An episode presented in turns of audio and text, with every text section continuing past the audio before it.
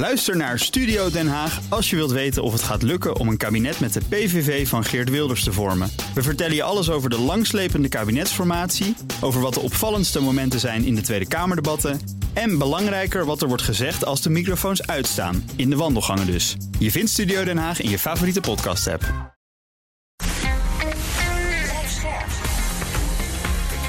BNR Nieuwsradio. Boekenstein en de Wijk. Hugo. Dit is een extra uitzending van Boekenstein en de Wijk in verband met de oorlog in Oekraïne en de crisis met Rusland. Het is maandag, dag 124 van de invasie. En er is heel veel gebeurd. Arend Jan, waar zullen we beginnen? Nou, laten we maar beginnen met die vreselijke aanval op Kremenchuk. Dat ligt volgens mij in het midden van de Oekraïne, centraal Oekraïne. Mhm. En er zijn ook allemaal foto's van een brandende uh, mall. Dus hoe noem je dat? Een supermarkt? Winkelcentrum. Winkelcentrum, ja, zoiets. Ja. Nou, er waren duizend mensen inside. En als je het goed leest, allemaal dan zijn het, het vuur schijnt nu wel gedoofd te zijn door 112 brandweerlieden. En er zijn uh, al doden bekend en gewonden. Maar, maar ik weet dus niet of, of er echt heel veel... Dat weten we gewoon niet. Dat moeten we mhm. nog... Uh, maar het is natuurlijk wel angstig. Nou, waarom gebeurt het? Kremenchuk heeft de grootste olieraffinaderij van... Uh, Oekraïne is al eerder doelwit geweest. Ja. En waarschijnlijk is dit dus gewoon uh, zeg maar collaterale schade. Hè? Ja, willen ze zo slecht mikken? Of kan nou, het ook ja, dat het gewoon bedoeld is om de bevolking te terroriseren? Ja, het lijkt neer een terreuraanslag. Ik, je, het kan inderdaad zijn hoor, dat het bedoeld is voor een ander doelwit en dat het een afzwaaier is. Dat gebeurt dan wel vaak. Maar, ja. Dat gebeurt wel vaak, maar uh, ze gebruiken ook veel al uh, vrij domme munitie, om het maar zo te zeggen. Hm. Ehm, ja, maar goed, ik bedoel, het terreureffect wat hiervan uitgaat is natuurlijk ehm, tamelijk groot. Hè? Want je maakt dus wel duidelijk van je bent nergens meer veilig. Uh, dus ja, ik bedoel of het nou voor die, um, uh, die installatie, die olieraffinaderij bestemd was, of dat het dit was. Eigenlijk maakt het gewoon niet zoveel uit. Want de boodschap is in, in beide gevallen hetzelfde. En er gaat natuurlijk ook een boodschap uh, vanuit naar de G7, de NAVO-top morgen. Overigens, in de marge van de G7 begreep ik dat Amerikaanse overheidsbronnen zeiden mogelijk deze week nog uh, zou worden aangekondigd dat de VS een geavanceerd luchtverdedigingssysteem in Noorwegen zou hebben gekocht om aan ja. Oekraïne te geven. Zodat ze dus iets uh, kunnen doen om zich tegen dit soort raketaanvallen te weer te stellen. Ja. ja, dus een NASAMS-systeem is dat. Het interessante is dat de, de, de, de rijkwijde daarvan is uh, meer dan 100 mijl, zeg maar 150 uh, kilometer. Aha. Uh, en, en ze willen ook uh, veel meer munitie geven voor artillerie. Ik hoorde gisteren van Bob Deen dat Russen hebben waanzinnig hoeveel munitie. Ja. En die kunnen er dan gewoon mee doorknallen. De, de, Russen kunnen nog zeker tot het eind van het jaar en mogelijk tot het eind ja. volgend jaar doorgaan. En het Westen heeft helemaal niet zoveel munitie. Dus dat is Klopt. ook interessant, hè? Nee, dit zijn natuurlijk ja. oude, oude, voorraden die ook nog uit de Sovjet-tijd uh, starten. Maar uh, nee, kijk, Bob en ik die waren samen uh, op bezoek in Litouwen. Toen werd dat dus ook heel nadrukkelijk gezegd. En toen werden die berekeningen gepresenteerd van hoeveel de, de Russen nog hebben. Nou, die kan er nog eindeloos doorgaan hoor. En wij niet. Ja. En uh, verder willen ze dus ook nog uh, counter battery radar systems. En het, het, ermee proberen ze dus die Russische missiles uh, uit de lucht te halen. Ja, ja, misschien is het ook nog even goed, en dat is niet onbelangrijk hoor, dat wat er op dit ogenblik in de Duma aan de hand is. daar wordt gediscussieerd op een abonnement op een, op een wet die de dienstplicht regelt. Uh, je weet uh, dat er niet wordt gemobiliseerd om ervoor te zorgen dat niet al die dienstplichtigen op worden geroepen en dus niet de oorlog hoeft te worden verklaard in brede zin ja. aan Oekraïne, want dit is een speciale militaire operatie. Ja, ja. Maar er wordt nu nagedacht over een amendement op die wet. Uh, waardoor je mensen die, uh, laten we zeggen, jongeren die net de school verlaten, direct een contract kunnen aanbieden. En daarmee zou je dus kunnen omzeilen uh, dat, um, dat er verder gemobiliseerd moet worden. Maar realiseer je op dit ogenblik, en dat is ook niet onbelangrijk, dat pakweg een derde van het hele Russische leger, namelijk 330.000 militairen, die zijn nu ingezet. Dus het hele Russische leger is pakweg een miljoen. Daarvan is een derde nu ingezet. En als je dus deze vorderingen ziet, uh, nou het gaat nu wel een klein beetje, uh, maar dan geeft dat wel te denken. Ja. Geen gebrek aan kanonnen, maar wel aan kanonnenvlees. Ja, om Rusland. het maar zo te zeggen. Je drukt er wel grof uit, maar daar komt het wel op neer, Hugo. En jongens van 18 jaar moet je wel even opleiden. Lijkt me handig. Nou ja, maar dat is ook een, eh, een punt. En die worden dus heel kort opgeleid. Een paar weken en dan is het wel genoeg. En dan hoppakee, dan worden ze naar het front gestuurd. Ja, dit is niet oké hoor, wat hier gebeurt. Ja. Nee. Even door, want we hebben dus een hoop te bespreken. Eh, de Ja. NAVO gaat de snelle reactiemacht eh, fors verhogen, hebben ze Ja. besloten bij de NAVO-top van 40.000 naar 300.000. Dat klinkt dat- indrukwekkend. Dat klinkt indrukwekkend en dat is ook indrukwekkend. Kijk, ehm, die, die NAVO, die NATO Response Force, daar gaat het feitelijk om. Eh, die bestaat uit, eh, nu uit 40.000 eh, militairen. Dat zijn militairen die geschikt zijn voor, land, voor de landmacht, de luchtmacht en de marine. Het is dus alles bij elkaar. Daar zit een, een zeer snel inzetbare krijgsmachtje in. De Very High Readiness Joint Task Force. Eh, die is 5000 eh, militairen groot. Eh, inclusief lucht- en, ehm, lucht- en mari- maritieme ondersteuning. Het punt is, waar haal je 300.000 snel inzetbare militairen vandaan? Eh, Er is een initiatief geweest van de secretaris-generaal. Dat heet het 4x30-initiatief. dat moest leiden tot eh, 30 gevechtsbataljons van de landmacht, 30 luchtmacht, 30 eh, eenheden, eh, eh, eh, 30 oorlogsschepen.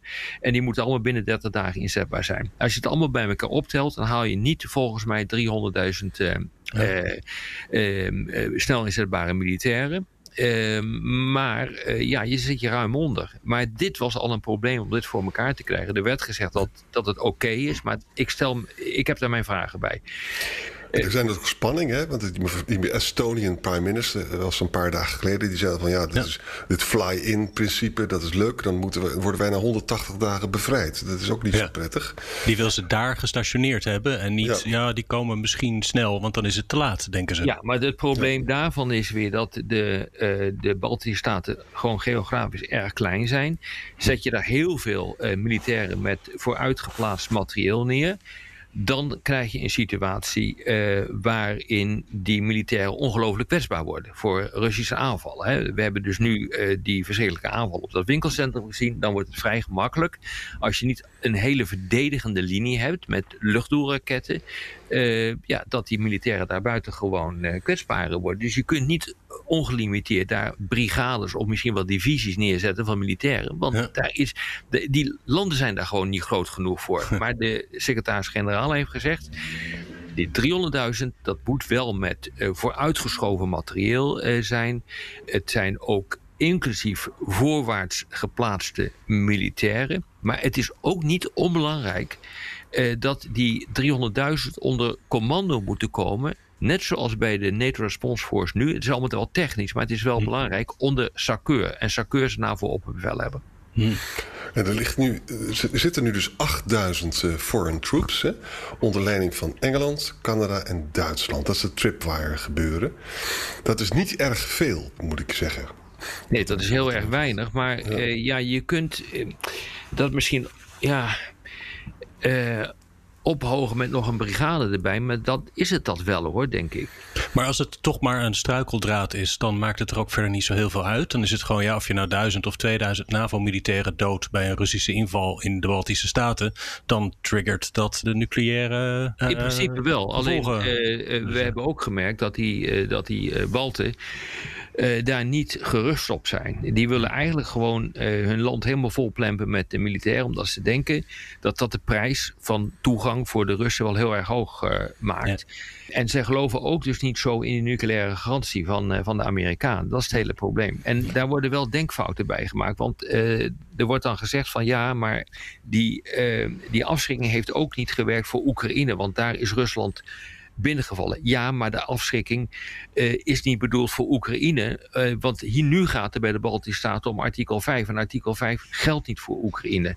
Dus er is ook een rare discussie gaande op dit ogenblik. Die echt Oh ja. niet echt ge- geïnformeerd is. Maar de Balten zijn gewoon bang voor de Iskanders in Kaliningrad. En ook bang Zeker. voor de Iskanders die nu in, in Wit-Rusland komen te staan. Zeker, ja. Nee, het is ook een hele penibele situatie. Dat zal niemand ontkennen. Hm. Ja. Hey, door naar de sanctiediscussie. Arjan, jij had het over dat een maximumprijs voor olie wordt besproken, voor Russische Ja, olie. G7, in de G7. hè? In de G, G7. En dat is heel interessant. Als je dus een, een cap op die olieprijs zet, dan neemt dus de Russische energiewinst af. En dan wordt dus de, de, in- de energieinflatie in Nederland natuurlijk lager. Hè? Dat zou je twee. Het probleem is dat vereist medewerking van eh, India en China. En die zijn ook aanwezig. Hè? India, Argentinië, Indonesië en Senegal zijn aanwezig bij die top. Senegal vanwege het gas, weet je nog. Daar was von der Leyen eh, ook eh, onlangs geweest. En wat ik ook interessant vind, de, de president, eh Indonesische president Widodo, die eh, is in Kiev. Of gaat daar naartoe. En gaat ook naar Moskou toe. En is bezig met een soort vredesonderhandelingenplan. Wat niet erg eh, gaat lukken, ben ik bang. En wat er ook gebeurt, er komt een G20 in Indonesië in november. En Scholz heeft daar net over gezegd van, dat hij niet uitsluit dat ook Poetin daar aanwezig zal zijn. Mhm. Ja, dat is heel spannend. Maar misschien nog even, hè, want we hadden het, jouw vraag was, ehm, eh, Hugo, eh, naar, die, eh, naar dat maximum voor eh, die, die olieprijs. Eh, Duitsland, eh, die heeft daar al ook enige vrees eh, voor hoor. Want als dit gaat gebeuren, dan weerhoudt niets eh, eh, Poetin meer om bijvoorbeeld de gaskraan verder dicht te, te draaien. En dan hebben ze echt een probleem. Hè. Dus het is Ja. niet. Het is, kijk, dit, dit hele pl- eh, plan van Yellen, eh, de, eh, de grote financiële baas zeg maar, van, eh, van Amerika. Eh, die, ehm, eh, dat, het is gebaseerd op, een, op veronderstellingen die redelijk zacht zijn. En het is ook een soort noodgreep, omdat nu wordt erkend eh, dat eh, de sancties niet echt heel veel effect hebben gehad. Hè. De, eh, de roebel zit weer op eh, de oude waarde. Ja. Eh, en, eh, De Russische olieinkomsten zijn alleen maar omhoog gegaan. die zijn alleen maar omhoog gegaan. En de oorlogsmachine, zoals politici dat dan zo graag noemen, die is niet gesloopt. En, die, eh, en, en, en Poetin wordt niet gestopt hierdoor. Dus dit is een nieuwe, bijna noodgreep om ervoor te zorgen dat dit gaat werken. En het is een. En het klopt ook wel wat we eerder hebben gezegd. Dit is gewoon eh, economische oorlogvoering. Dit zijn geen sancties meer, dit is gewoon economische oorlogvoering. En bedenk ook dus dat in de Amerikaanse politieke realiteit... Biden zit hartstikke klem. hè. Die, die, eh, die gas, eh gasolineprijs is gewoon veel te hoog. Hij, hij wil het dus heel graag. Maar Rob zegt terecht, met, met de Duitse gasangst... eh, gaat dat natuurlijk eh, strijden. Hè? Biden gaat binnenkort ook naar Saoedi-Arabië... om weer te smeken dat ze meer gaan eh, oppompen. Hè? Ja. Alles hangt weer met alles eh, Ja. samen. Ja, ondertussen is vandaag eh, Rusland officieel in default, hè, omdat ze 30 dagen geleden een eh, rentebetaling op staatsleningen hebben gemist. Is dat ook onderdeel van de economische oorlogvoering? Dat hier een stapje verder gaat? Zeker, want daardoor kunnen ze moeilijke lenen. Of helemaal niet meer lenen. Op, maar ja, dat doen, dat hoeven ze toch niet meer? Ja, ze hebben dus genoeg eh, geld, hè, dat is duidelijk. Want ze hebben maar een staatsschuld van 17 procent. Nou, ze hebben keurig die 100 miljoen dollar aan rentebetaling... aan internationale obligatiehouders proberen over te maken. Maar dat hangt dus nu bij een bank. Want technisch kan dat niet meer in euro's en dollars. Hè. Ja. Dus ze zeggen, van, nou, het ligt niet aan ons. Nu zijn ze wel wanbetaler. Dus als ze op de internationale kapitaalmarkt geld zouden willen lenen... betalen ze hoge rente. Maar dat kunnen ze überhaupt al niet meer. Dus ook op de korte termijn maakt dit niet zoveel uit voor Rusland. Nee. Het is weer een sombere uitzending, jongens. Kan Ja, maar goed, er gebeurt wel heel veel. G7, NAVO, eh, EU. eh, het is wel echt interessant om te zien wat hier gaat eh, gebeuren. En ja, dit wordt wel een week waarin wordt gezocht naar uitwegen omdat ja, die sancties eh, toch niet echt willen bijten. Ik bedoel, het, het, het, slaat wel een gat in de economische groei en in de economische omvang van, eh, van Rusland. Laten we zeggen zo'n 10 zo'n 15 procent. Eh, maar dat is gewoon onvoldoende om, om Poetin op andere gedachten te brengen. En nog één ding wat belangrijk is. Morgen begint in Madrid die NAVO-top. Ja. En er zijn dus twee mensen die daar een moeilijke positie hebben. De eerste is de Baltische de premiers zullen dat allemaal niet zo geweldig vinden... met de maatregelen die werden aangekondigd. Het tweede is, Erdogan die zal nog wel wat vragen krijgen... want de BBC heeft een fantastisch onderzoek gedaan... waarbij ze laten zien dat de Russen dus graan stelen... Uit, van de boeren in het Russisch bezet gebied. Dat gaat naar de Krim toe. Dat gaat dan op schepen, wordt vermengd met Russisch graan. En dan hebben ze dus het Russische certificaat erop. En dat gaat dan via Turkije. Erdogan werkt er kennelijk aan mee. Gaat het naar Syrië toe. Ja. Ik, ik, denk dat niet iedereen dat geweldig vindt wat Erdogan hier allemaal aan het doen is. Naast natuurlijk het blokkeren van Finse en Zweedse toetreding tot de ja, NAVO. Ja, ik heb, wel het gevoel, ik heb wel het gevoel, als ik ook de persconferentie van uh, Jens Stoltenberg, de NAVO-secretaris-generaal, goed heb geluisterd, dat daar wel enige beweging in zit. Hij klonk niet helemaal negatief. Uh, maar voor zover we het nu kunnen inschatten. Uh, ik hoop dat het anders wordt. Uh, is dat er toch wordt gestreefd naar een proces van snelle toetreding. En dat dit, dit akkefietje tussen Zweden en Turkije dan in dat proces wordt opgelost. Okay. Want namelijk die toetreding van Zweden en Finland is ongelooflijk belangrijk, omdat het namelijk de druk op Kaliningrad uh, verhoogt. Hè? Dat, dus veiligheid. Ja, ja zeker. Maar, maar, maar Poetin krijgt gewoon niet wat hij hebben wil. Namelijk, uh, uh, hij krijgt een uitbreiding van de NAVO, daar heeft hij altijd tegen gevochten. Ja. ja. Oké, okay, genoeg voor vandaag. Ja. Tot morgen. Okay. morgen. morgen. Ook Diana Matroos vind je in de BNR-app. Ja, inderdaad. Je kunt live naar mij luisteren tijdens de Big Five. Ook handig in de BNR-app. Breaking nieuwsmeldingen, maar ook het allerlaatste zakelijke nieuws. En je vindt in de app alle BNR-podcasts, waaronder Wetenschap Vandaag. Download nu de gratis BNR-app en blijf scherp.